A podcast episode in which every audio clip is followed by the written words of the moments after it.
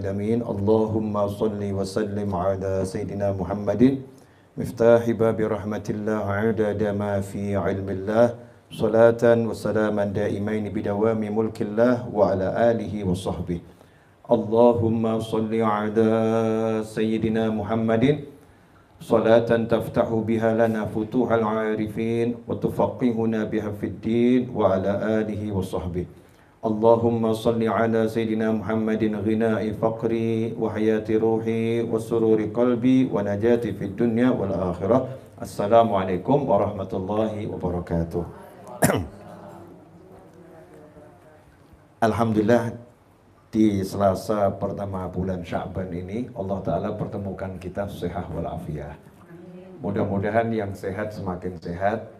Siapapun yang sakit diberi kesembuhan oleh Allah Ta'ala dan dipanjangkan usianya dalam segala kebaikan, dalam segala keberkahan. Amin. Allahumma amin. Uh, pemirsa di mana pun Anda berada, kita akan belajar tentang masalah sodakoh. Ya, khususnya ini sedekah itu adalah amalannya wanita. Jadi amalan yang paling utama buat perempuan itu adalah sodakoh. Suatu ketika Nabi Muhammad SAW diminta oleh kaum wanita untuk ceramah khusus. Karena Rasulullah SAW seperti kalau kata orang Jawa dipek gitu ya. Eh, dimiliki hanya oleh kaum pria. Yang wanita nggak punya kesempatan untuk uh, privat, untuk khusus dengan Nabi Muhammad SAW. Makanya minta ya Rasulullah, tolong beri kami waktu khusus. Jadi ceramah hanya untuk kami yang laki-laki nggak ada gitu. Maka saat itulah Nabi SAW mengajak Sayyidina Bilal radhiyallahu anhu, sahabat Nabi Muhammad SAW yang Rasul menyatakan, wahai Bilal, sesungguhnya aku mendengar suara langkah kakimu di surga berjalan di depanku. Itu orangnya masih hidup, Sayyidina Bilal radhiyallahu anhu sudah dibilang langkah kakinya didengar Rasul di, sur di surga. Nah, ada banyak pelajaran di situ. Kenapa langkah kaki Bilal yang terdengar? Bukan suara batuknya gitu ya. Karena Sayyidina Bilal itu tiap hari mendatangi Nabi SAW setelah azan ngasih tahu ya Rasulullah waktunya komat sekarang gitu. Jadi kalau bahasa kita ketuk pintu rumah. Karena dari tempat sholat Rasul sama pintu rumahnya itu kan tidak jauh ya, dekat. Nah Sayyidina Bilal yang ketuk pintu pintu rumah. Sehingga Nabi SAW hafal betul ini suara langkah kaki Bilal. Seperti kita kalau udah akrab sama orang, Wah ini jalannya dia nih ya, suara jalannya dia. Oh ini suara dehamnya ini, apal. Nah tapi kalau Bilal dihafal karena suara langkah kaki. Dan sudah disebutkan di surga orangnya masih di muka bumi. Jadi ada manusia-manusia yang memang walaupun masih hidup, sudah dia itu tercatat pasti masuk sur, surga dan semoga kita termasuk di, di antaranya. Amin Allahumma amin. Fadlullah wasi, karunia Allah luas. Ya. Allah memberi siapa pun yang Allah kehendaki. Mudah-mudahan kita termasuk beserta keluarga kita, sahabat kita, teman-teman kita, dan semua orang yang berbuat baik kepada kita. Amin. Allahumma amin. Nah, ceramah Nabi SAW, sekalinya ceramah di hadapan perempuan, Rasulullah mengatakan, sesungguhnya penghuni neraka terbanyak adalah wanita. Penghuni surga terbanyak juga wanita. Jadi wanita itu penghuni surga terbanyak, juga penghuni neraka ter terbanyak. Nah, di situ Rasul ngasih amalan biar selamat dari neraka nih, biar perempuan tidak masuk neraka. Yang pertama itu perempuan yang menyebabkan masuk neraka adalah sering e, mengucapkan kalimat-kalimat yang tidak baik. Kalau lagi marah itu keluarnya biasanya nggak terkontrol. Ya, watakfurul ashir. Kemudian suka melupakan jasa suami. Misalnya begini, lagi marah nih ya, lagi marah. Kalau normal sih biasanya enggak insya Allah. Kalau lagi marah ngomongnya begini, kamu memang tidak pernah perhatian sama saya.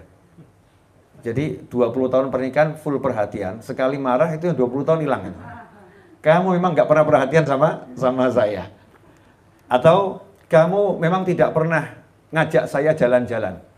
Padahal cuma sekali malam ahad ada kencan sama suami, suami tiba-tiba ditelepon urusan penting gitu ya, dalam tanda kutip, urusan penting. Itu kemudian komentarnya, kamu memang tidak pernah mau ngajak saya jalan-jalan, padahal baru gagal sekali itu. Jadi yang malam Ahad kemarin, malam Rabu kemarin, ya hilang semua, nggak kehitung. Atau ketika pengen baju, ya pengen baju, suaminya nggak mau, nggak saya nggak mau belikan kamu. Memang kamu nggak pernah mau belikan saya pakaian, padahal satu lemari itu pakaian dari suami. Eh, ini sifat yang begini, sifat yang menyebabkan banyak perempuan nggak sadar masuk ke dalam neraka. Naudzubillah min dzalik. Kenapa? karena melupakan jasa baik orang lain. Jadi Islam itu melarang umatnya melupakan jasa baik orang. Siapa pun orang yang punya jasa, meskipun orang itu tidak beriman kepada Allah dan Rasulnya, jasanya harus diingat. Ya, jasanya harus di, diingat. Eh, budinya diingat dan budinya harus dibalas. Ya, budinya harus dibalas. Tidak boleh kemudian di apa namanya abaikan seperti eh, nggak uh, punya apa, apa nggak pernah berbuat sesuatu sesuatu. Siapa pun yang punya jasa harus dibalas, terutama orang tua. Makanya karena anak itu tidak bisa membalas jasanya orang tua sebagai penyebab adanya anak. Jadi kalau nggak ada orang tua kan anak nggak ada. Gimana caranya kita membeli kehidupan? Nggak bisa kan? Kehidupan kita ini kan asalnya dari Allah, tapi Allah memberikannya lewat orang orang tua. Nah untuk membayar jasanya orang tua menjadi penyebab hidup kita, dengan semua kebaikan kita nggak mungkin bisa. Karena itu kalau ada anak yang kemudian kok sama orang tuanya ngomong kasar, sama orang tua ngomong nggak baik, Allah Ta'ala nggak peduli dengan amalnya. Jadi amalnya itu bisa hancur semua karena ucapan kasarnya pada orang orang tua. Karena dia nggak menghargai orang orang tua, dia termasuk anak yang tidak mengingat jasanya orang tua. Sampai-sampai Allah mengatakan dalam Al-Quran, kalian jangan menyekutukan aku dengan suatu apa pun dan ya berbuatlah baik kepada kedua orang tuamu. Selama mereka tidak mengajak kamu kufur pokoknya wajib berbuat baik. Jadi orang tua yang yang sekalipun ngajak kufur sekalipun tetap bosohib pergaulilah keduanya dengan pergaulan yang baik. Tetap harus bicaranya baik walaupun orang tuanya jahat. Tidak ada alasan buat anak. Orang tua saya jahat. Orang tua saya nggak iman sama Allah, nggak ada alasannya. Orang tuamu model seperti apa pun, modelmu harus baik. Ya, modelmu harus baik. Nah ini uh, termasuk di antaranya istri yang melupakan jasa suami. Dan termasuk di antaranya kebalikannya, suami yang melupakan jasa istri. Nah, ini kadang istri-istri juga protes. Ini Habib, Ustadz, Kiai yang diomongkan cuma istri melulu. Ini suami gimana ya? Suami yang melupakan jasa istri. Uh, Termasuk di antaranya istri buatkan minum, istri uh, setrikakan pakaian meskipun nyuruh ART ya. Tapi kan itu yang mengelola manajernya siapa? Adalah is, istri. Uh, istri memberi anak. Walaupun suaminya kadang ngomong, ya kan benihnya juga dari aku. Ya, tapi siapa yang yang apa namanya ngerawat benih ini selama 9 bulan. Kemudian setelah lahir e, memberikan ASI ataupun non ASI selama sekian tahun. Kemudian kalau anaknya itu nangis di malam hari, siapa yang disuruh bangun sama suami? Masya Allah, kalau suaminya bangun selalu ngomong, bu anakmu bangun. Ya bu anakmu bangun. Jadi nggak kemudian biar istrinya tidur enggak, tapi istrinya dibangun, bangunkan. Bahkan istri yang udah hamil melahirkan susah ini pun masih dikasih tugas yang berat-berat sama suami namanya ngurus ah, anak. Kok gitu nggak terima kasih. Nah, itu termasuk yang enggak syukur. La in syakartum la azidannakum wa la in kafartum inna adzabi lasyadid. Kalau kalian syukur pasti aku tambah. Kalian kufur nikmatku, ingat sesungguhnya siksaku teramat pedih. Nah, ini buat suami apa pun kebaikan istri juga enggak boleh dilupa dilupakan ya. Harus dibalas dengan balasan yang luar luar biasa. Nah, termasuk di antaranya adalah istri yang tadi itu sifatnya kalau marah ngomong yang nggak baik, merupakan jasa suami, ini menjadi penyebab masuk neraka, naudzubillah min dalik. Maka sama Rasul dikasih solusi. Karena biasanya perempuan nggak sengaja, keceplosan dia. Tapi keceplos, keceplosannya buat sakit hati suami. Ya suaminya sakit bener. Kamu memang nggak pernah perhatian sama aku. Masya Allah, ya, sekian tahun nggak dianggap. Lihat ini keluar dari pagi sampai malam cari nafkah buat kamu, dibilang nggak perhatian gitu ya. Ini kepala jadi kaki, kaki jadi kepala dibilang nggak ber nggak perhatian. Siapa sih yang pengen capek-capek? Ya pengennya di rumah sama sua, sama istri, sama anak. Pengennya begitu. Tapi ini karena demi cari nafkah harus keluar keluar ketemu orang yang nggak enak, nggak enak saya lakukan. Tapi kamu bilang kamu memang nggak perhatian sama sama saya, nggak ngucap suami di dalam hati ngomongnya sama sama cerewetnya sebetulnya. Cuman kalau perempuan mungkin keluar di mulut ya, nggak semuanya, tapi rata-rata kan wanita seperti itu ya. Kalau laki-laki disimpan di dalam hati, sama-sama berbicara. Nah, solusinya apa? Nabi SAW memberikan solusi adalah agar wanita banyak sodakoh banyak bersedekah. Sedekah ini akan menyebabkan cintanya Allah dan menghapuskan banyak do, dosa, menghindarkan banyak bencana. Maka seketika itu Nabi SAW menggelar selendang dan para istri, para wanita saat itu sedekah. Ya, sedekah kepada Nabi Muhammad SAW untuk disalurkan kepada uh, umat Islam yang yang lain. Nah, di akhir zaman ini katanya tidak ada amal yang lebih lebih mudah dan lebih cakep untuk orang-orang zaman akhir seperti istighfar, solawat, dan banyak sodako. Istighfar karena kita banyak dosa, solawat itu untuk menghapus dosa dan untuk menghias diri kita. Nah kalau sedekah, ya tadi itu, ya dosa kita ya banyak, dan kita ini kalau banyak dosa kan banyak musibah nanti. Banyak dosa, banyak bencana. Solawat menjadi peredam, istighfar peredam, kemudian sodako juga peredam. Nah, yang jadi masalah, Ya, banyak orang yang tidak tahu cara sedekah yang baik. Ya, kemarin saya buat video durasi 1 menit 50 sekian detik, eh, kemudian durasi 5 menit, yang menjelaskan banyak orang gagal paham sodako. Banyak orang gagal paham sodako. Yang pertama, fikih sodako itu jangan pernah kamu sedekah dan engkau merasa telah berbuat baik kepada orang yang kamu sedekahi. Jadi kalau kita sodakoh pada siapa pun, ini yang saya, Masya Allah, ada anak-anak tuh nanya sama saya di WA nih banyak. Uh, saya udah kasih ibu saya itu uang sekian gitu. Saya udah beri uang sekian. Jadi dia merasa ngasih uang ibunya itu sudah berbuat baik sama ibunya. Kita memberikan uang itu pada orang lain saja, tidak boleh merasa kita berbuat baik pada orang ter tersebut. Fa'in ahsantum ahsantum li anfusikum. Kalau kalian berbuat baik pada hakikatnya kalian berbuat baik pada diri kalian sendiri. Ini yang harus dipahami nomor satu yaitu kita tidak boleh melihat yang disedekahin itu uh, adalah orang yang kita berbuat baik kepadanya. Tapi justru orang yang kita sedekahi dia lagi berbuat baik kepada kita. Dia lagi berbuat baik kepada kita. Karena sodakoh itu tidak boleh kita sedekah niat untuk orang itu. Tapi kita sedekah niatnya untuk Allah Subhanahu wa taala. Ini e, cara pandang sodakoh yang betul. Nah banyak orang yang cara pandangnya salah. Dia merasa, aku kan sudah kasih dia. Kurang apa saya? Apa saya kurang baik? Udah terlalu banyak yang saya berikan. Kok balasannya seperti itu? Kok dia seperti itu? Kok dia seperti itu? Jadi akhirnya sakit hati. Ketika kita ini memberi seseorang dan responnya itu biasa-biasa saja, atau responnya, balasannya itu negatif, kitanya sakit hati. Tapi kalau kita melihat saya ini memberikan kepada Allah Subhanahu wa taala, maka jadinya indah. Jadinya nikmat sebagaimana dikatakan dalam berbagai hadis eh, di antaranya eh, dalam hadis berikut wa fi riwayatin li Ibnu Khuzaimah innal abda idza tasaddaqa min tayyibi min tayyibin taqbalahu Allahu minhu wa akhadhaha bi yaminih farabbaha kama yurabbi ahadukum muhrahu aw fasilahu.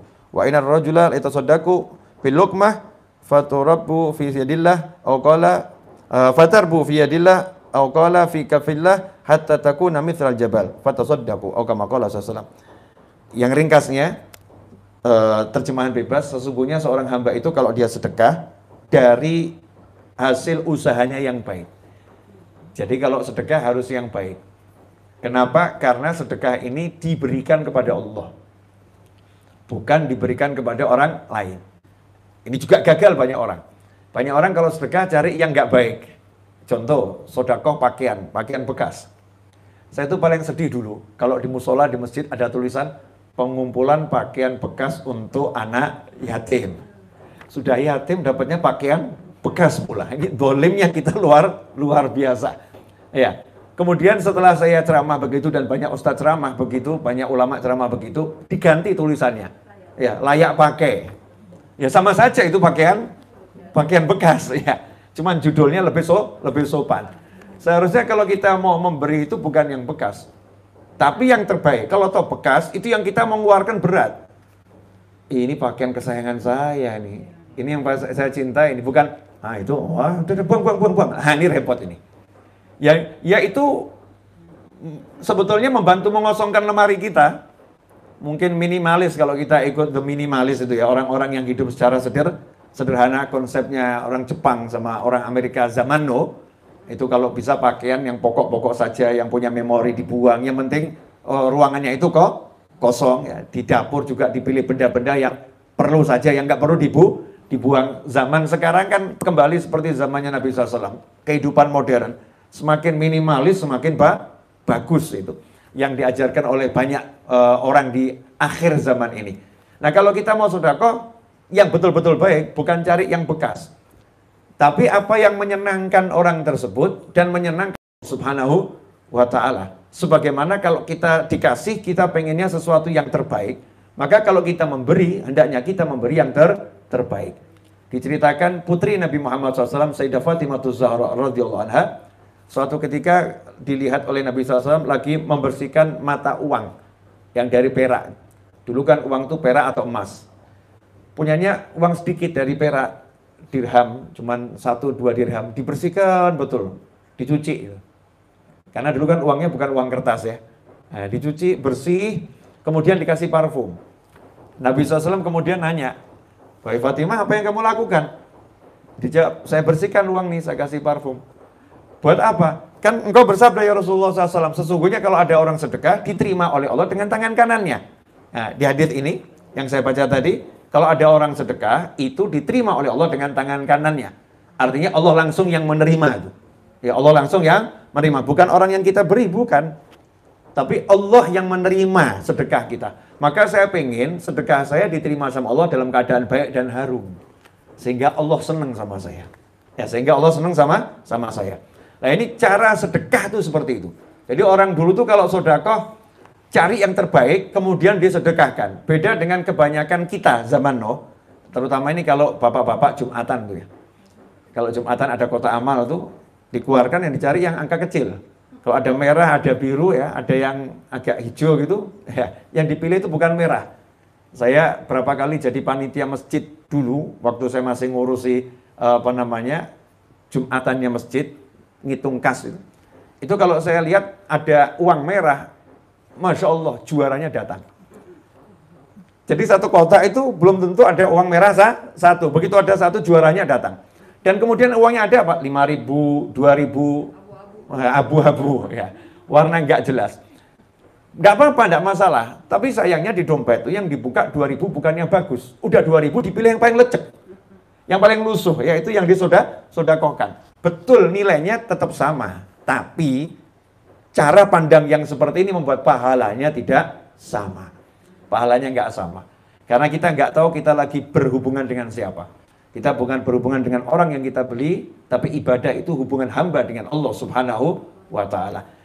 Saya lagi menyerahkannya kepada Allah. Dikatakan di sini diterima oleh Allah dengan tangannya, eh, tangan kanannya kemudian sama Allah dikembangkan. Kalau orang bisnis itu kita titip nanti di apa ya dikembangkan ini diusahakan lagi, diputarkan ya, diputarkan sampai jadi banyak. Ya, jadi banyak. Nah, sedekah kita diterima sama Allah taala, sama Allah dijadikan banyak. Sama Allah dijadikan ba banyak, dikembangkan oleh Allah SWT, nanti kemudian kita menerimanya lagi dari Allah dalam wujud yang jauh lebih lebih besar. Nah, kalau sudah paham begini, maka nggak ada orang sedekah sedih. Pasti senang. Eh, termasuk sedekah yang paling gampang dan itu agak susah, sodakoh namanya senyum. Eh, senyum ini kan sedekah. Saya kalau ceramah latihan senyum. Dari awal gitu, dari awal saya ceramah dari mulai apa namanya SMP gitu ya, SMA. Saya kalau ngomong pokoknya latihan se senyum gitu. Sampai ada komentarnya jamaah itu, itu kalau ustadznya ceramah, saya isi pengajiannya nggak tahu, tapi lihat senyumnya hati saya tenang. Udah, hasil maksud. Ya, hasil mak maksud. Penting hatinya tenang. Nah ini senyum itu kan uh, uh, sedekah. Tabasumuka fi wajhi ahika hiyalaka sodakoh. Senyummu untuk saudaramu itu adalah sedekah sabda Nabi SAW. Nah kalau untuk orang lain sedekah, bangun tidur, noleh ke suami, senyum kan sodakoh ya. Tapi biasanya lihat noleh ya, senyum-senyum juga itu ya. Saling toleh, nggak ada yang saling senyum. Hmm, hmm, gitu ya. Jadi pandangan pagi aja sedekah pada pasangan hidup beratnya luar luar biasa. Ini kalau kita lihat senyumku bukan untuk suamiku, tapi senyumku untuk Tuhanku. Oh, Masya Allah, senyum ya untuk Tuhanku. Mas bukan buat kamu, jangan GR ini. Ya. Ini buat Allah subhanahu wa ta'ala. Maka Allah akan membalas itu. Saat itu kita langsung dapat senyumnya Allah, ridhonya Allah, rahmatnya Allah, karunianya Allah yang luar luar biasa. Begitu pula ketika suami senyum bukan untuk istrinya. Karena kalau dia senyum untuk istrinya mungkin jawabannya juga sama dengan suami tadi. Ngapain kamu? Tumben senyum-senyum. Ada apa? Mungkin tambah suudon ya. Mungkin prasangka nggak nggak bagus. Mungkin komentarnya nggak nggak enak. Pagi-pagi senyum. Mimpi apa tadi? Ayo, mimpi yang benar. Cerita gitu komentarnya nggak enak gitu ya. Padahal niat ngasih senyum pada istri ini suami atau istri ngasih senyum sama sua, suami. Tapi kalau kita niatnya ke Allah Ta'ala, komentar apa pun kamu nggak ngurus mas. Aku lagi senyum sama Allah. Ya, aku lagi memberikan senyumku kepada Allah. Begitu pula sodakoh. Ini mungkin banyak kerabat, entah keponakan, entah uh, sepupu, entah paman, entah bibi. Ya, kita sodakoh dengan tulus, tapi justru mungkin di belakang komentarnya negatif Orangnya sih kaya, tapi kalau ngasih cuma segitu. Masya Allah. Ya, orangnya kaya, tapi kalau ngasih cuma segitu, nggak pernah nambah-nambah. Udah dikasih, masih ngomong yang nggak nggak enak gitu ya. Udah diperhatikan, masih komentarnya nega, negatif. Terus kemudian kita masuk hati, ya berarti sedekah kita emang salah. Berarti sedekah kita sah? salah. Karena sedekah jangan pernah minta balasan dari manu, manusia. Manusia itu meskipun udah kita kasih duit banyak, terus mau balas dengan kebaikan, itu langka ya langka. Yang balas betul dengan kebaikan itu lang langka. Normalnya ya biasa-biasa saja. Mungkin diucapkan terima kasih. Begitu kita buat dia kecewa sedikit, masya Allah marahnya luar luar biasa. Lupa ya semua yang udah kita berikan itu lupa. Tapi Allah nggak mungkin lupa. Allah la yukhliful mi'ad. Allah nggak pernah melalaikan jan janjinya. Jadi siapa yang ngasih itu karena Allah Ta'ala, pasti dapatnya adalah kemenangan, kebaikan, keselamatan dunia sampai akhirat. Uh, pernah diceritakan ada satu pemuda meninggal dunia di tengah padang Sahara. Ini kisah nyata ya, tapi kisah nyata ini di akhir zaman kan kadang-kadang seperti dongeng. Lah anehnya itu kita kalau dengar kisah nyatanya wali dianggap seperti dongeng, dengar Harry Potter yang dongeng seperti nyata. Cinderella yang dongeng dianggapnya nyata. Harry Potter yang itu khayalan dianggapnya nyata. Kisah-kisah wali yang itu nyata dianggap do, dongeng. Ini kan terbaliknya kita ini ya. Wallahu alam. Tapi yang terjadi ya seperti seperti ini. Itu ada seorang uh, pemuda meninggal dunia di tengah padang Sahara. Kebetulan pemuda tadi ketemu sama seorang soleh. Jadi orang soleh ketemu pemuda itu, terus pemudanya meninggal. Orang solehnya bingung. Karena sebelum meninggal ada dialog. Anak muda ini tampaknya pakaiannya tampak pakaian orang-orang soleh gitu. Ya, tapi, uh, tapi sangat zuhud, ya sangat zuhud Nah, sangat gak, gak apa gak ngurus dunia. Maka sama orang solehnya ditegur. Kamu jangan sok apa namanya sok soleh. Ya, jangan sok soleh. Maka dijawab sama muda tadi, saya nggak sok soleh. Saya soleh bener. Ya, saya soleh bener. Nah, kalau kamu soleh bener, setiap soleh bener ada buktinya. Nggak bisa ngaku, ngaku. Ini saya terjemahkan dengan bahasa bebas ya, biar mudah di, dicerna. Kalau soleh benar nggak ada ngaku-ngaku, harus ada bukti. Ya kamu soleh benar. Oh, silakan, boleh uji saya dengan apa pun. Pemudanya pede.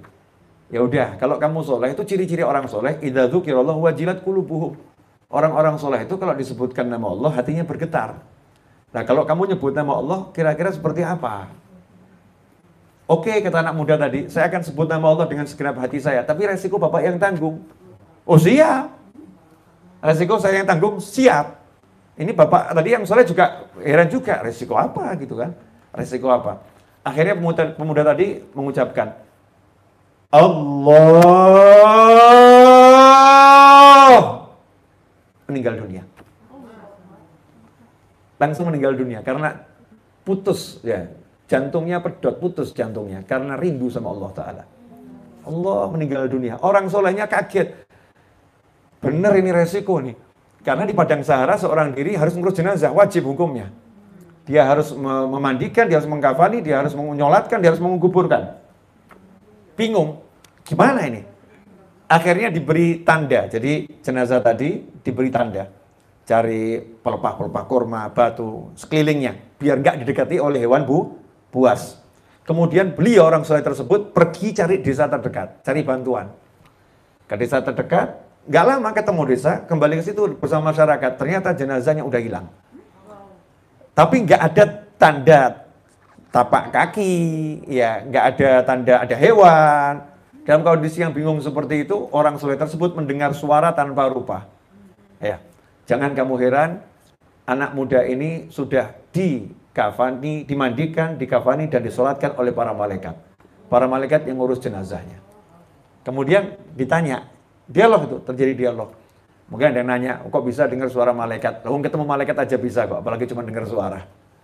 Dalam hadis yang sahih disebutkan, ada malaikat-malaikat itu yang menjelma jadi manusia manusia dan ngaku saya adalah malah malaikat. Jadi umatnya Rasulullah SAW ini punya banyak keistimewaan.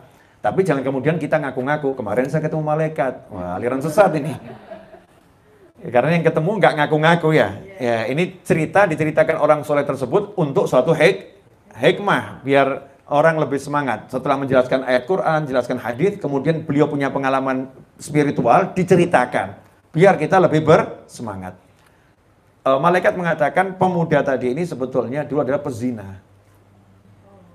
Yang tiap orang kaya, pezina yang luar biasa.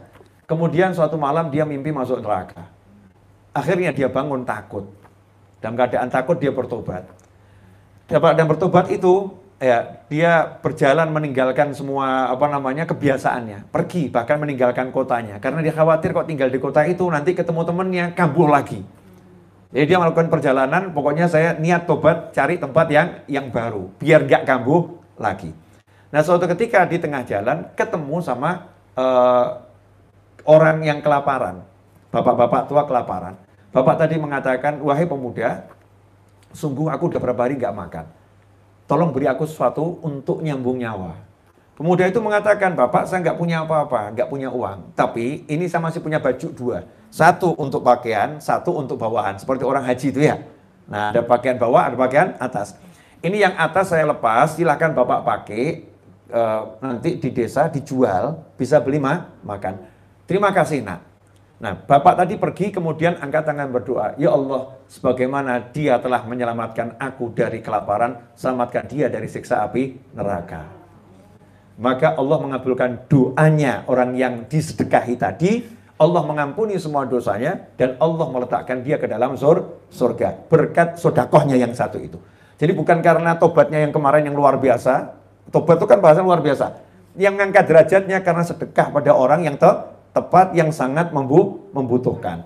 Karena itu Al-Habib Abdullah bin Abdul Haddad yang mengarang Rotibul Haddad, Werdul Latif, ya, di kalangan Habib ada Rotibul Haddad, ada Werdul Latif yang beliau sejak umur 4 tahun sudah tunanetra, tapi ilmunya luar luar biasa. Beliau mengatakan orang itu sedekah walaupun tidak ikhlas tetap dapat manfaat.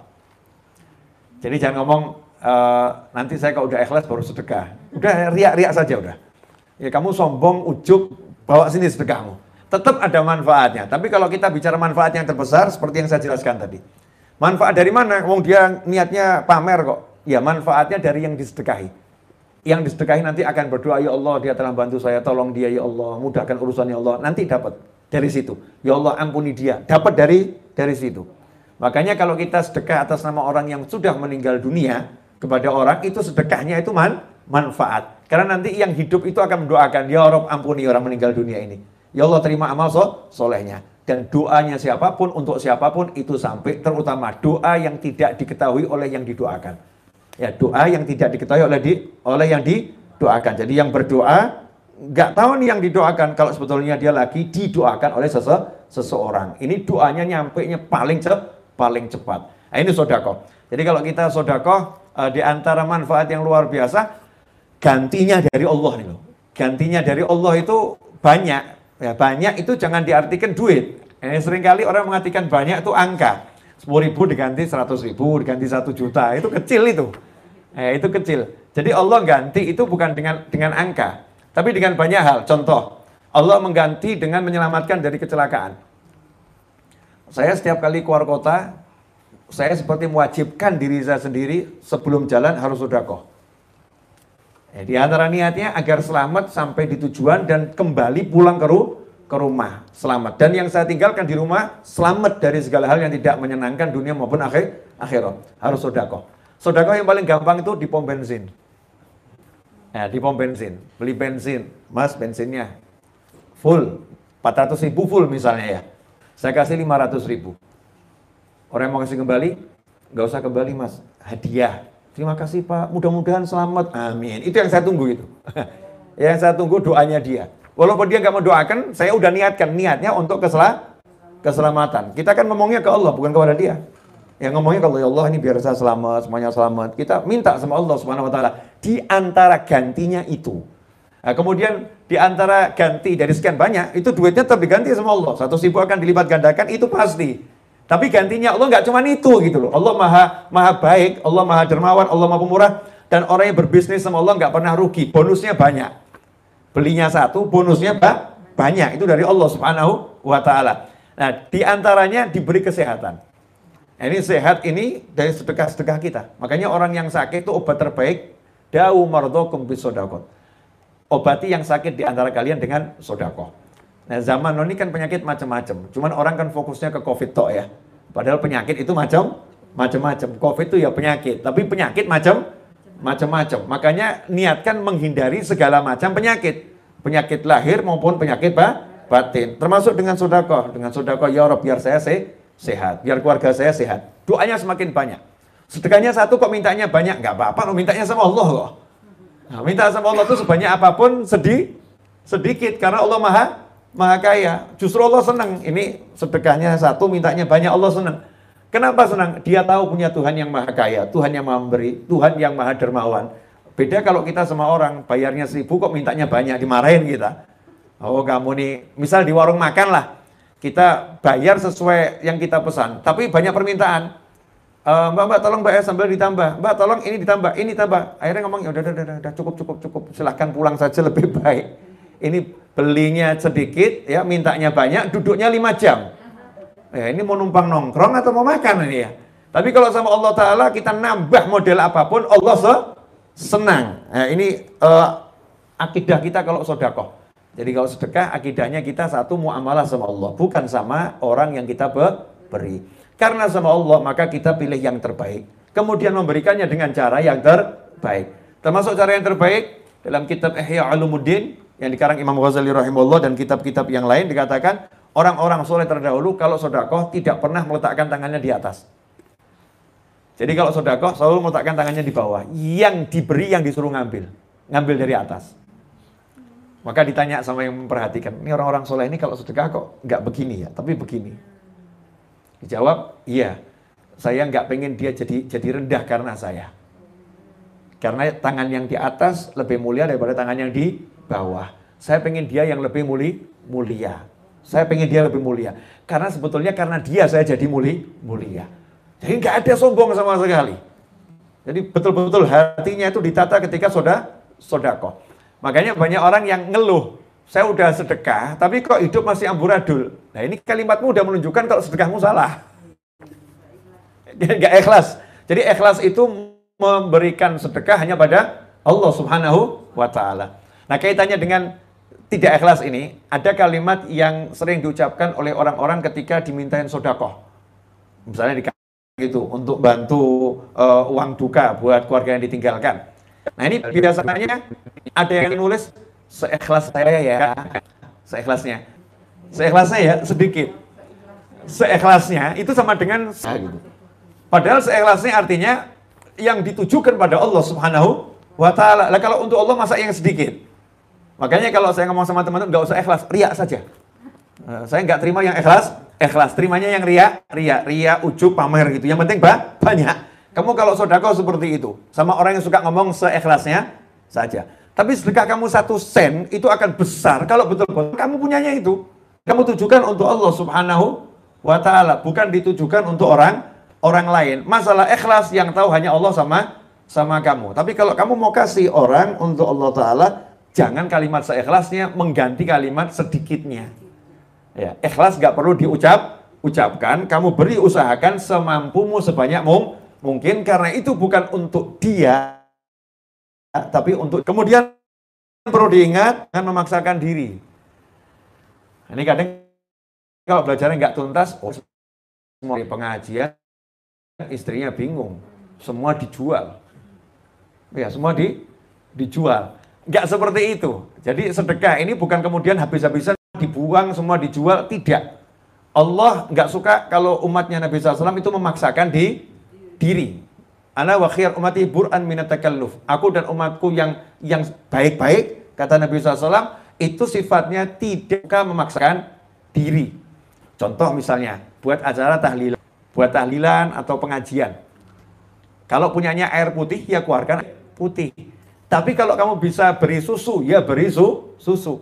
Kalau bisanya nyuguhinnya itu telur ayam, ya telur ayam. Kalau kamu bisa suguhinnya itu kambing, ya kamu suguhin kam, kambing. Artinya, jangan uh, mubazir, jangan pe, pelit, semampumu, ya semam, semampumu. Allah melihat niatmu, bukan yang kamu keluarkan.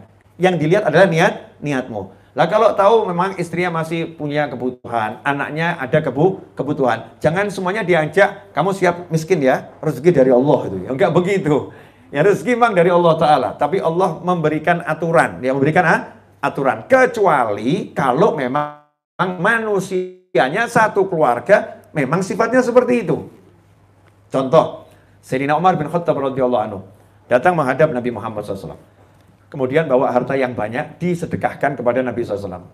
Maka Rasul nanya kepada Khalifah Umar bin Khattab radhiyallahu anhu, "Wahai Umar, eh, apa yang kamu tinggalkan untuk keluargamu?" Nih, selalu Nabi SAW nanya, "Apa yang kamu tinggalkan untuk keluargamu?" Maka dijawab, "Ya Rasulullah, eh, saya tinggalkan separuh harta saya untuk keluarga saya." Rasulullah senang. Artinya keluarganya Sina Umar nggak akan uh, apa namanya jadi bingung ya. Cukup separuh harta masih ada gitu. Walaupun yang separuh disedekah sedekahkan. Datang Khalifah Abu Bakar As-Siddiq radhiyallahu anhu. Sahabat yang yang kedudukannya tertinggi, Khalifah Abu Bakar As-Siddiq radhiyallahu anhu. Datang kemudian bawa harta banyak.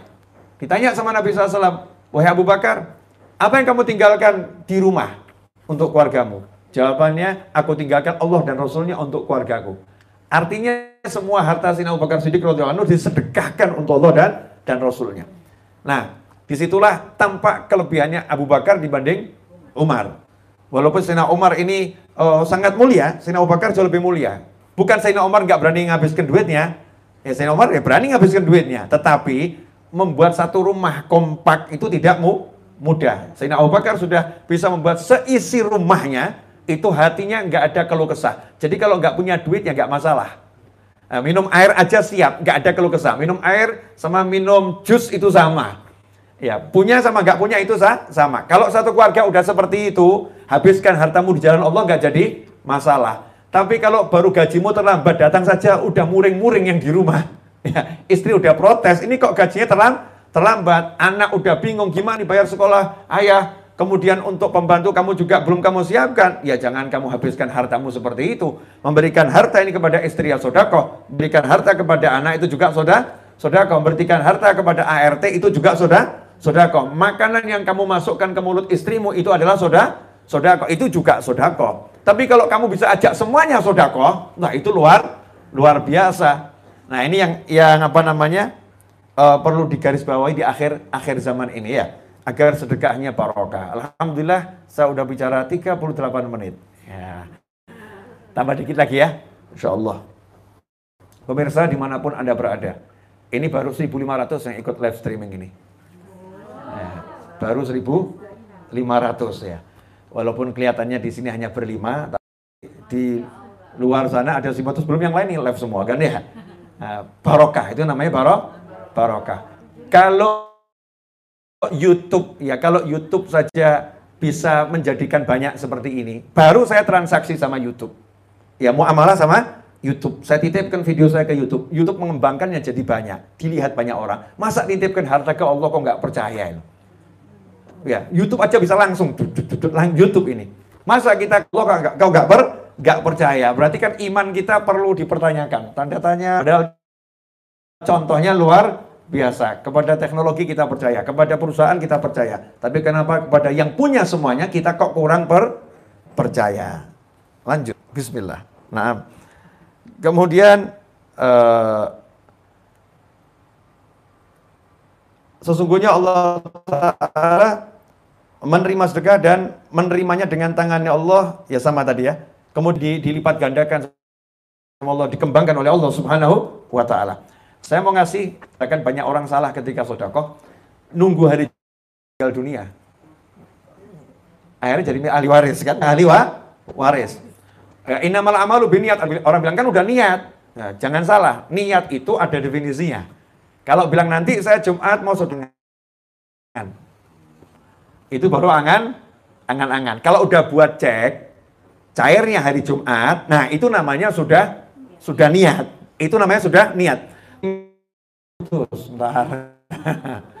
Nanti dulu. Nah. Udah nyambung kawan-kawan? Ya, saya lanjutkan. Ya. Banyak orang yang sodakonya ditunda sampai Jumat, ya karena hari yang mulia. Sampai Kamis, hari diangkatnya amal. Nunggu hari Senin, hari lahirnya Nabi SAW. Betul itu hari mulia, tapi sodakoh itu mulianya bukan karena hari. Jadi sodakoh itu mulia bukan karena hari. Sodakoh itu mulia karena kebutuhannya. Kebutuhan kita. Nah kita butuh diampuninya kapan? Nah kalau kita butuh diampuni hari Jumat, ya silakan. Ya, sodakah hari Jum Jumat. Kalau kita butuh ampunannya sekarang, ya sodakohnya sekarang sekarang. Nah bagaimana sedekah itu akan jadi bernilai yang luar biasa?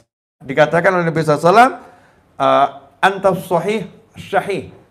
Ketika ditanya Nabi SAW sedekah yang paling besar pahalanya seperti apa? Dijawab, antas sahih syahih, taksal faqra wa ta'mulul hina. Kamu dalam keadaan sehat, kemudian pelit terhadap harta itu, berat mengeluarkannya. Kenapa berat mengeluarkannya? Memang ekonominya pas-pasan Taksal fakro, kamu takut nanti kalau disedekahkan habis uangnya. Tak mulul hina, dan masih punya keinginan nabung biar punya duit bah, banyak. Dalam kondisi yang seperti itu, sehat, uangnya pas-pasan, pengen nabung, kok sedekah. Itu sedekah yang luar, luar biasa, pahalanya besar. Nah kalau orang sakit sedekah biasa. Kenapa? Pengen sembuh. Ya saya sakit, saya sodakoh gitu. Pengen sembuh, bagus, ya itu bagus. Tapi pahalanya biasa. Nah, ketika uh, ada seseorang yang dia itu dalam keadaan kaya raya, duitnya banyak.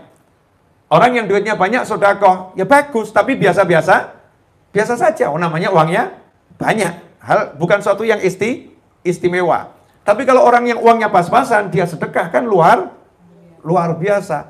Dia lagi nabung ini pengen nanti untuk beli rumah. Kok tahu-tahu tiba-tiba tetangganya mau bayar bayar sewa rumah nggak bu, nggak punya. Cerita sama dia, Wah ini ya, doakan saya dapat rezeki. Kalau enggak nih diusir ini seminggu lagi. Lu kenapa? Kontrakan ini loh, belum kebayar. Oh insya Allah dapat rezeki insya Allah. Terus dia ingat, oh saya punya tabungan ini. Ya, tabungan untuk beli ru rumah. Udah nabungnya mungkin puluhan tahun, ya nabungnya puluhan tahun. Dapatnya nggak seberapa. Tapi dia cita-cita ini untuk untuk apa namanya beli ru beli rumah. Ingat tetangganya seperti itu, diambil semua kasih ke tetangga. Nih dah, nggak usah pusing kamu nih, bayar tuh kontrakan rumah. Itu sedekah yang terbaik. Karena memang orangnya pas, pas-pasan. Nah kalau kita lebih, bagus ya. Tapi bukan pahala yang ter, terbaik. Nah terus gimana caranya? Dalam keadaan lebih, kita bisa dapat pahala yang terbaik. Solusinya gimana? Kan kita nggak mau nunggu miskin dulu toh. Untuk dapat pahala yang terbaik, yuk kita miskin dulu. Kan enggak ya?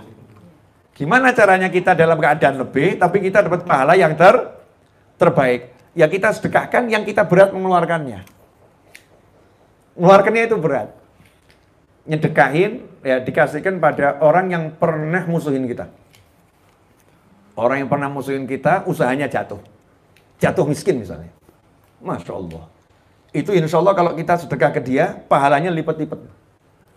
Kenapa? Karena nafsu kita ngelawan. Nah, syukurin kualat saya. Kalau kata orang Jawa Tengah gitu kualat, Jawa Timur ya kualat. Kena apa itu? Tuah ya. Itu kena tuah saya itu, makanya dia jatuh mis miskin. Terhadap orang yang seperti ini sedekain, dibantu. Sungguh-sungguh batunya ikhlas ditala. Ini pahalanya luar luar biasa. Jadi harus kita pintar ngelola sedekahnya. Terus kepada siapa lagi? Kepada kerabat. Ya kepada kera, kerabat. Banyak orang nyumbang yayasan sana, yayasan sana, ya panti sana, panti sana, majelis sana, majelis sana. Bibiknya sendiri butuh duit gak dikasih. Keponakannya butuh modal kerja gak di, gak dikasih. Lebih utama dia bantu keponakannya, biar keponakannya jadi orang yang besar. Dia bantu bibiknya, nggak minta, min, minta. Ini sedekahnya pahalanya akan jauh luar luar biasa dibandingkan sedekah yang nggak jelas. Ya sedekah nggak nggak jelas. Kemudian orang sakit, orang sakit butuh sehat, kitanya sehat, tapi ada orang sakit butuh butuh sehat. Kalau dia dioperasi, menurut medis, insya Allah sehat. Biayanya besar. Sedekah pada orang itu sekali lebih baik daripada sedekah ribuan kali pada orang lain yang nggak jelas. Sekali pada orang itu, duitnya gede yang kita keluarkan, tapi jelas itu. Menyelamatkan nyawa sesu, seseorang. Menyelamatkan nyawa, pahalanya nyawa kita akan diselamatkan sama Allah dari seksa api, api neraka. Itu akan besar. Nah, ikhwani rahimakumullah, nah yang menarik itu ternyata orang-orang miskin di zaman Nabi SAW itu iri sama orang-orang kaya.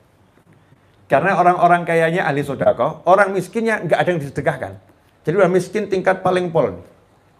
Sahabat itu kalau udah miskin, miskinnya tingkat paling pol. Datang menghadap Nabi SAW, ya Rasulullah, kami ini kalah sama orang-orang kaya. Sholat sama sholat, tapi orang-orang kaya bisa sodako, kita nggak bisa sodako. Sodako duit, kalau senyum kita sodako, yang kaya juga senyum loh, yang kaya juga senyum. Kita ngomong baik, yang kaya juga ngomong baik baik. Tapi mereka mengeluarkan duit banyak, kita nggak punya ya Rasulullah. Solusinya buat apa buat kami ini? Maka dijawab oleh Nabi SAW, kalau habis sholat ucapkan subhanallah tiga tiga, alhamdulillah tiga tiga, Allah akbar tiga tiga, tutup dengan la ilallah sampai akhir, maka itu kamu akan mengalahkan orang-orang kaya yang ahli soda sodako. Akhirnya habis sholat nih yang miskin-miskin nih sahabat baca itu subhanallah, subhanallah, subhanallah, subhanallah, subhanallah, subhanallah.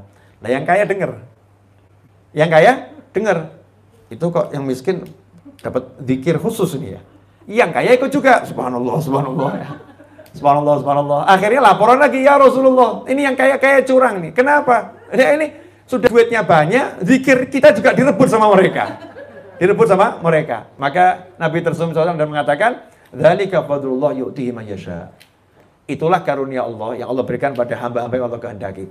Orang kaya yang model begitu memang orang istimewa. Itu pilihannya Allah Ta'ala. Udah duitnya banyak, zikirnya rajin, sholatnya bagus, ilmunya banyak. Ini memang orang langka. Ini pilihannya Allah Subhanahu wa Ta'ala. Udah kamu terima terima karunia Allah uh, dalam kondisi punya ekonomi yang pas-pasan, bisa sabar, bisa syukur, bisa zikir, pangkatmu ya tingginya luar luar biasa. Tapi memang ini teman-temanmu yang kaya ini bukan sembarang orang. Ini orang-orang yang luar luar biasa. Nah buat kita ya, buat kita ya termasuk itu di antara untuk untuk menambal ke, kekalahan kita sama orang-orang yang punya sodakoh yang luar luar biasa, ya zikirnya diperbanyak, kemudian sedekahnya pada orang yang tepat dan jangan pernah merasa sudah lebih baik daripada yang disedekahi. Saya punya cerita nih, bayar parkir. Parkir mobil, bayar parkir di Solo, waktu itu, ya waktu itu parkir mobil seribu rupiah. Parkir mobil flat sama di pinggir jalan di mana pun seribu rupiah. Nah kebetulan ketika saya mau parkir itu tukang parkirnya nggak ada. Jadi tukang parkir nggak ada digantikan nenek-nenek. Yang parkirin nenek-nenek. Senyum saya. Saya kasih lima ribu rupiah. Lima ribu terimanya alhamdulillah. Itu saya jarang dengar kalimat seperti itu.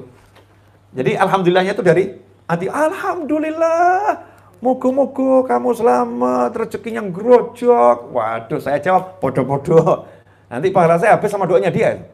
Jadi saya timpali sama jenengan ya sama engkau dapat yang sama, dapat yang sama. Akhirnya saya keluarkan uang sepuluh ribu rupiah. Doanya lebih banyak. Masya Allah, mugi-mugi tambah selamat gitu. Saya cek dompet, ada 50 ribu. Saya keluarkan 50 ribu rupiah. Ya, kemudian langsung saya tutup jendela, ojo ndonga meneh, Bu. Ini kalau keluar doa lagi, mungkin dan ke, untuk bapak-bapak ketika menghadapi istri ya. Ini pemirsa di mana pun Anda berada, untuk ibu-ibu ketika menghadapi suami dan untuk para suami menghadapi istri, Jangan pernah merasa Anda berbuat baik pada pasangan hidup Anda. Nanti capek dapatnya. Contoh misalnya, istri sampai kursus masak. Kursus masak. Karena tahu suaminya suka nasi goreng. Suaminya suka nasi goreng. Sampai kursus masak khusus nasi goreng. Akhirnya dia masak nasi goreng. Pagi-pagi disuguhkan sama suaminya sayang nasi goreng. Hasil kursus 10 hari. Suaminya makan terima telepon. Halo, iya, iya pak. Iya, iya, segera berangkat pak. Cep, cep, cep. Ma, berangkat dulu ya. Sebel enggak kira-kira? Jujur bu. Sebel enggak? Sebel, kesel, mapegel gitu ya. Ini kursusnya 10 hari, bangunnya dari sebelum subuh, ya udah kita berpeluh keringat, aroma enggak karu-karuan pagi-pagi, demi menyenangkan hatinya, dia cuma lap lap lap lap, enggak pakai apa terima kasih, enggak ada pujian sama sekali. Emang ini suami bejat model begini nih. Ya suami bejat, enggak tahu terima kasih. Ya, tapi kita jadi istri yang yang solihah. Gimana? Nyantai aja. Aku nggak pernah buatin buat dia kok. Aku lakukan semua ini untuk Allah Subhanahu wa taala. Ya Allah, aku udah persembahkan yang terbaik untuk sua, suamiku. Maka begitu suaminya ngincipin sekali, lu alhamdulillah. Komenmu nggak penting. Kalau sampai komen itu namanya bonus. Ya itu namanya bonus. Alhamdulillah. Oh, uh, mah enak ya atau di enak, yang enak. Alhamdulillah. Alhamdulillah. Mungkin kita nanya kurangnya apa? Ya, kurangnya apa? Tapi kalau kita minta komentar sakit-sakit. Suami minta uh, komentar dari istri yang baik. Oh, masya Allah. Ini banyak WA masuk juga keluhan para suami, para suami. Bukan cuma istri yang ngeluh, para suami juga juga ngeluh. Jadi sudah kerja mati-matian, istrinya hidupnya sama handphonenya saja. Hadir orangnya hadir ini di sini di sini ya. Entah di mana di sini, wallahu alam. Ya. Jadi kalau suaminya datang itu bukan ditanya gimana kabarnya, bukan ini, tapi handphone yang di, dipegang. Mah, kopi mah, iya bentar. Kopi mah bentar, bentar. Iya, teh bentar ya nih. Nanggung, nanggung ya, nanggung. Nah, nanggung katanya, drakornya nanggung. Ya. Lagi asik, lagi seru ya. Bentar, bentar, ini lagi balasan WA nih, bentar. Balasan WA bentar, nggak selesai-selesai, bentar. Kan banyak yang model begini nih. Ini kok suami kemudian e, melihat perilaku istrinya seperti itu, minta balasan dari istrinya. Aku dari pagi ini keluar, cari nafkah buat kamu, buat anak-anak. Wah aku minta kopi aja, kamu bilang nanti sebentar. kamu keterlaluan. Boleh, sakit hati. Ya sakit ha? hati. Nanti jadinya nggak bagus. Akhirnya apa? Pergi, keluar, ngopi sendiri. Kemudian di tempat ngopi adanya apa? Ngopi sendiri mas. Iya, selesai. selesai, selesai. Iya, yang di rumah nggak mau nemeni. Iya, selesai ya kan. Akhirnya pulang, mah kopi ada? Oh belum ada. Ya udah, saya ke warung kopi. Oh silakan, nanggung silakan. Bapaknya juga seneng. Yes, ya. Mudah-mudahan tiap hari diper silahkan tiap hari. Akhirnya jadinya nggak nggak baik karena hal yang simple. Tapi kalau suami ini bisa menerima kondisi istrinya, Memang istri saya males, memang ya orangnya begitu. Sebetulnya orangnya baik, tapi modelnya seperti seperti itu ya sudah gitu ya.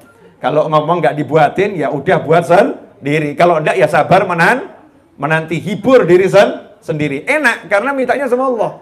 Tapi ketika kita itu minta balan dari apa namanya orang yang bermuamalah dengannya, capek. Ya termasuk uh, urusan bisnis nih. Saya kemarin dulu ditanyain orang, Habib saya habis ditipu orang. Datang di pengusaha ke rumah saya, yang katanya ditipu, kayak yang katanya bisnisnya lagi seret, dan lain sebagainya. Caranya hati biar tidak gundah gulana, biar tidak risau ngadepi yang seperti ini gimana? Saya jawab gampang. Caranya atau gampang, prakteknya harus latihan. Maksudnya gimana, Habib? Kamu kalau hartamu itu hilang, ketika kamu bisnis sama orang kok ditipu, uangmu diambil lari sama orang tersebut, kalau kamu itu yakin benar sama Allah, hidupmu enak. Yakin benar gimana, Bib? Saya kasih pilihan begini.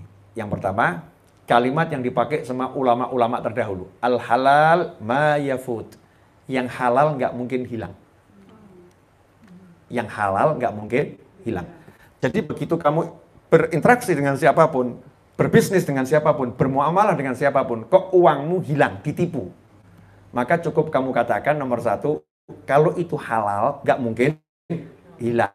Artinya kalau itu halal, nanti Allah akan ganti dari arah yang berbeda. Capek saya berharap dari dia. Saya berharap dari Allah Ta'ala. Ya Allah, dia ambil 100 juta ya Rob. Gantinya banyak kan ya Allah. Kirim ya Allah. Mintanya sama Allah. Biar dikirim dari arah yang yang lain. Terserah Allah. Kemudian kalau ternyata itu haram ya Allah. Kalau itu haram biar hilang sekalian. Alhamdulillah dia bawa pergi yang haram. Nah, sehingga nggak ada yang haram sama kita. Nanti hatimu enak. Ya nanti hatimu eh, enak. Itu yang pertama. Yang kedua, kamu punya dosa enggak? Banyak, Bib.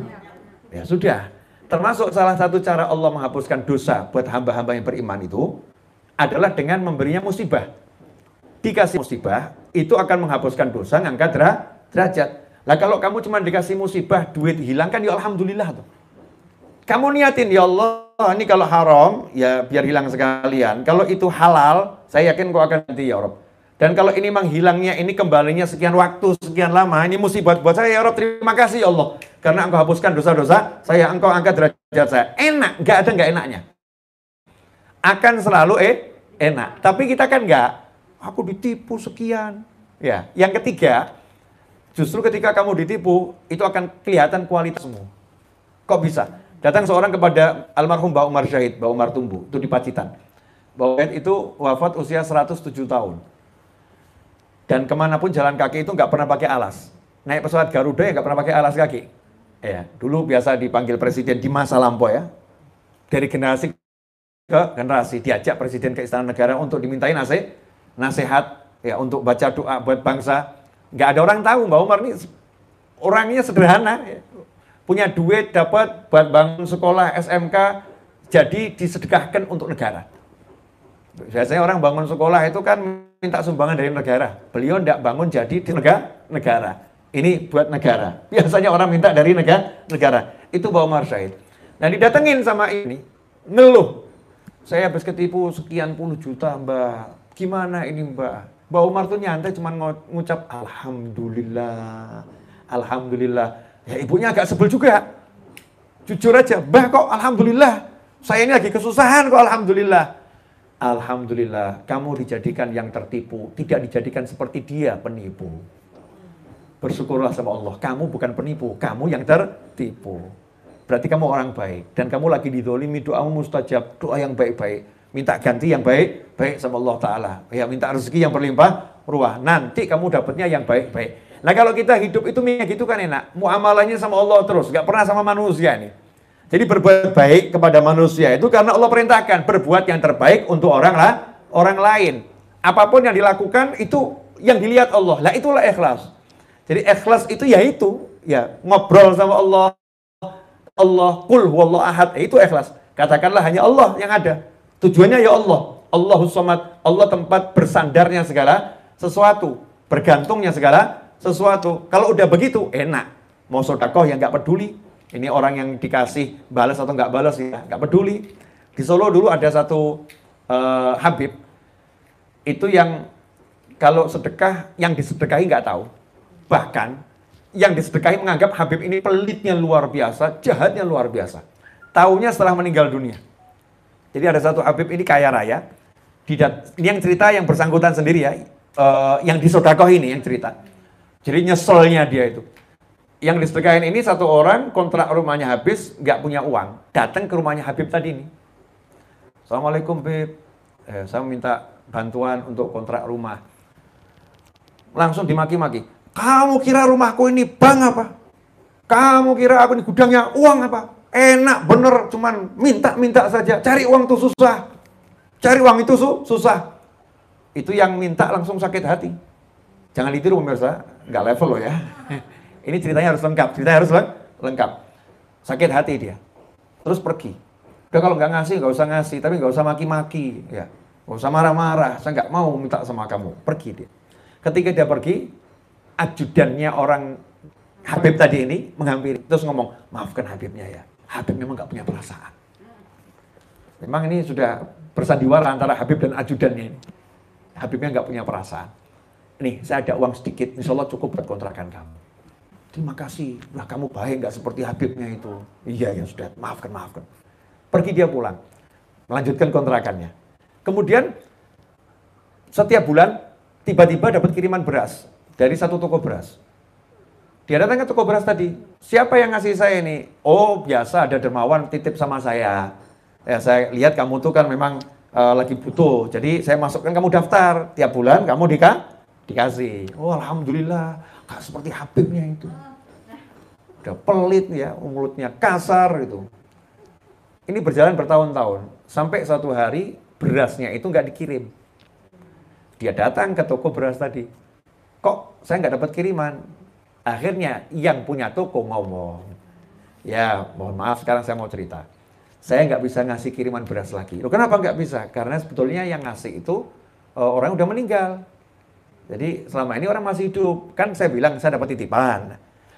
Orangnya udah meninggal sekarang, jadi nggak bisa ngasih kamu lagi. Siapa orangnya? Nah, orang itu ngelarang saya cerita sama kamu. Nah, tapi karena orang sudah meninggal, saya harus cerita sama kamu. Siapa? Ya orang yang kamu maki-maki itu. Habib yang kamu bilang pelit itu. Dia itu yang ngasih kamu beras dan ajudan yang ngasih kamu duit itu itu dia juga yang suruh. Tapi dia nggak mau tahu kalau kamu dapat uang dari dia sehingga nanti kamu merasa rendah di hadapannya. Jadi lebih baik kamu masih merasa mulia marah-marah merasa mulia merasa hebat merasa sebanding nggak merasa rendah tapi masalahmu sel selesai. Ini sodakoh yang begini luar biasa tapi jangan ditiru. Ya karena zaman sekarang salah ngomong masuk penjara ya kan setelah ngomong dituntut ya kan. Orang sekarang kan orangnya nggak apa mudah dikit-dikit nun nuntut nggak memaafkan. Walaupun anjurannya sekarang kepolisian kan orang disuruh memaafkan dia mediasi minta maaf saya memaafkan sehingga sel selesai. Nggak dikit-dikit lapor. Kesian teman-teman polisi terima laporan banyak terus dari sana dari si dari sini. Kalau memaafkan kan sel selesai. Jangan kita asal ngomong asal ngomong walaupun niatnya baik tapi ini kisah zaman dahulu untuk gambarkan Orang dulu tuh jaga sodakohnya sampai seperti itu. Jaga yang disedekahi sampai seperti itu. Biar harga dirinya nggak jatuh. Ya, biar harga dirinya nggak nggak jatuh. Ini mahal. Nah kita zaman sekarang disesuaikan. Ya cukup kita kasih lewat jalan belakang. Orang yang nggak tahu kan bisa ya. Nah, orang yang nggak tahu bi, uh, bisa bisa kita siasati untuk zaman zaman sekarang. Dan Habib ini memang wataknya begitu. Jadi diminta sumbangan sama sekolah ya begitu dia. Nggak ada sumbang-sumbangan. Sekolahnya memang apa sekolah yang rakus minta duit terus gitu ya. Tapi nanti tiba-tiba sekolahnya mau ngecor, dia kirim semen 100 sak, 200 sak ya. Tapi tidak ada namanya, tapi dia yang kirim. Nah setelah meninggal dunia terungkap semua. Jadi semuanya ceri cerita. Tapi kalau kita niat nanti kalau saya meninggal biar semua orang tahu. Nah itu nggak boleh juga. itu namanya juga rencana pengen te tenar ya naudzubillah min min Gak ada rencana semua itu. Alhamdulillah Pemirsa di mana pun ada berada, 63 menit sudah saya berbicara. Ya, mungkin terasa, mungkin tidak tera, tidak terasa. Buat yang mendengar tidak terasa, buat yang bicara sudah terasa. Kakinya maksudnya ya. Kakinya sudah ter terasa. Ini Mas Riza teman saya kakinya udah ganti-ganti ini. Ya, saya mau ganti kan gak enak gitu kan. Beliau udah ganti, ganti-ganti, ganti sana, ganti sini. Yang di rumah kan ada yang sambil kerja. Ini banyak yang kerja di rumah makan, rumah makan saya pernah makan di rumah makan pagi sore di Jakarta gitu. Lagi makan di situ, pesen makan, dilayani sama salah satu yang ada di sana. Nah selesai makan saya mau bayar nggak boleh. Saya, yang gak, yang larang siapa? Yang layani tadi, yang uh, kerja di situ karyawannya. Saya bilang jangan, ini saya makan banyak, mahal ini, biar saya bayar sendiri. Enggak Habib, uh, saya udah niat. Saya tiap hari yang nemenin saya itu Habib. Lu kok bisa? Iya, saya sambil kerja dengarkan ceramah Habib. Jadi hiburan saya itu ha, Habib. Saya minta sama Allah, ya Allah tolong datangkan Habib ke rumah saya. Alhamdulillah, Habib datang ke sini. Karena saya udah niat kalau Habib ke rumah saya, nanti saya mau jamu ma, jamu makan, mau saya masakkan. Tapi karena nggak ke rumah saya, ada ke sini, ya udah. Eh, saya jamunya di sini aja. Saya bilang ya udah sesuai niat, niatmu jazakumullah khairan. Saya nggak mau apa namanya buat kecewa gitu ya. Biar dia senang dan saya juga senang juga kan. Alhamdulillah rezeki. Ya, katanya Nabi SAW, kalau rezeki itu datang kepadamu, maka jangan kamu tolak. Kalau kamu butuh, pakai. Kalau kamu nggak butuh, nanti berikan pada orang yang membu membutuhkan. Karena mungkin, misal begini, uh, Mas Riza kasih saya, karena kenal sama saya. Percaya sama saya, kasih saya. Mungkin saya nggak butuh, tapi di sana ada orang butuh. Orang itu nggak kenal sama Mas Riza. Mas Riza nggak kenal sama orang itu. Kalau toh Mas Riza tahu orang itu butuh, mungkin nggak percaya. Ya mungkin nggak ber, nggak percaya. Tapi saya tahu dia. Saya tahu kondisinya. Akhirnya gara-gara Mas Riza ngasih saya, saya nggak butuh, saya bisa salurkan pada yang membu membutuhkan. Nah ini makanya kalau kita dikasih orang meskipun kita punya duit banyak jangan ditolak. Bahas ini, bahas ini, bahas ini. Kenapa? Banyak di kampung saya yang butuh. Ya, banyak saya tahu orang-orang yang butuh. Ya, saya ngerti kamu nggak ngerti, nggak ngerti. Makanya tetap baik. Kondisinya apa pun kalau ada orang ngasih kita, kita terima. Jangan kita terus jadi, ah, aku kok masih dikasih-kasih gitu. Ya kan? Kasih kerudung misalnya. Tidak apa-apa. Makasih. Tidak suka, tidak apa-apa. Terima. Makasih. Mungkin ada orang yang suka. Mungkin tetangga kita su suka. Bu, suka ini enggak ini? Ini bagus. Tapi tidak cocok sama saya nih. Ini bukan warna saya. Ini barangnya bagus. Mau enggak bu? Oh mau. Alhamdulillah ternyata dia mau. Bukan buat dia. Oh, dia ternyata punya keponakan yang suka warna itu terus. Jadi mungkin rezekinya bukan rezeki kita, bukan rezeki tetangga kita, mungkin rezekinya orang jauh. Kita cuma jadi perantara, tapi perantara keba kebaikan, perantara sodakoh. Dan sebagai penutup, uh, yang paling berat itu adalah orang yang mencarikan sedekah untuk orang lain, sementara dia tidak menikmati. Bukan orang cari sodakoh, terus nanti ngambil komisi, terus kasihkan orang, bukan ya. Jadi misalnya ada orang, dia itu punya kenalan orang banyak, koleganya bagus. Terus dia tahu ada orang sakit. Orang sakit ini nggak punya kenalan dia rela ngemis, ya kasar gitu ngemis ke teman-temannya, tolong ya ini ada yang sakit, fulan, fulan, fulan, fulan. Mau ikut andil berapa kamu untuk dia? Kamu nggak kenal dia, tapi saya kenal dia. Nah ini dia merendahkan dirinya di hadapan orang banyak, demi untuk nolong orang lain dan tidak ngambil serupiah pun. Ini pahalanya luar luar biasa. Ada yang seperti ini dan banyak. Ya, ada dan banyak. Tapi kadang yang banyak ngambil komisi. Ya, ada juga yang cari komisi ya, sekian persen kamu tak carikan ya, tapi sekian persen buat saya. ini naudzubillah min dzalik. Meskipun sah-sah saja, sah-sah saja tapi kurang mulia. Ya, kalau yang mulia adalah yang betul-betul dia cari, semuanya dikasih pada orang yang butuh dan dia cuma kebutuhannya menolong orang lah, orang lain dan masalah orang itu sel selesai. Yang begini yang menyelamatkan kita dari banyak hal. Sebagai penutup pemirsa di mana pun Anda berada, ingat-ingat saja Siapa menyayangi disayangi. Siapa menolong ditolong. Siapa mewujudkan hajat diwujudkan hajat. Kalau udah yakin begitu, maka hidup kita enak. Gak mungkin kita resah, gelisah, galau, dan lain sebagainya. Karena kita nggak bermuamalah dengan manusia, berhubungan dengan yang punya jagat raya, yaitu Allah subhanahu wa ta'ala. Mohon maaf, semoga berkah manfaat. Jazakumullah khairan.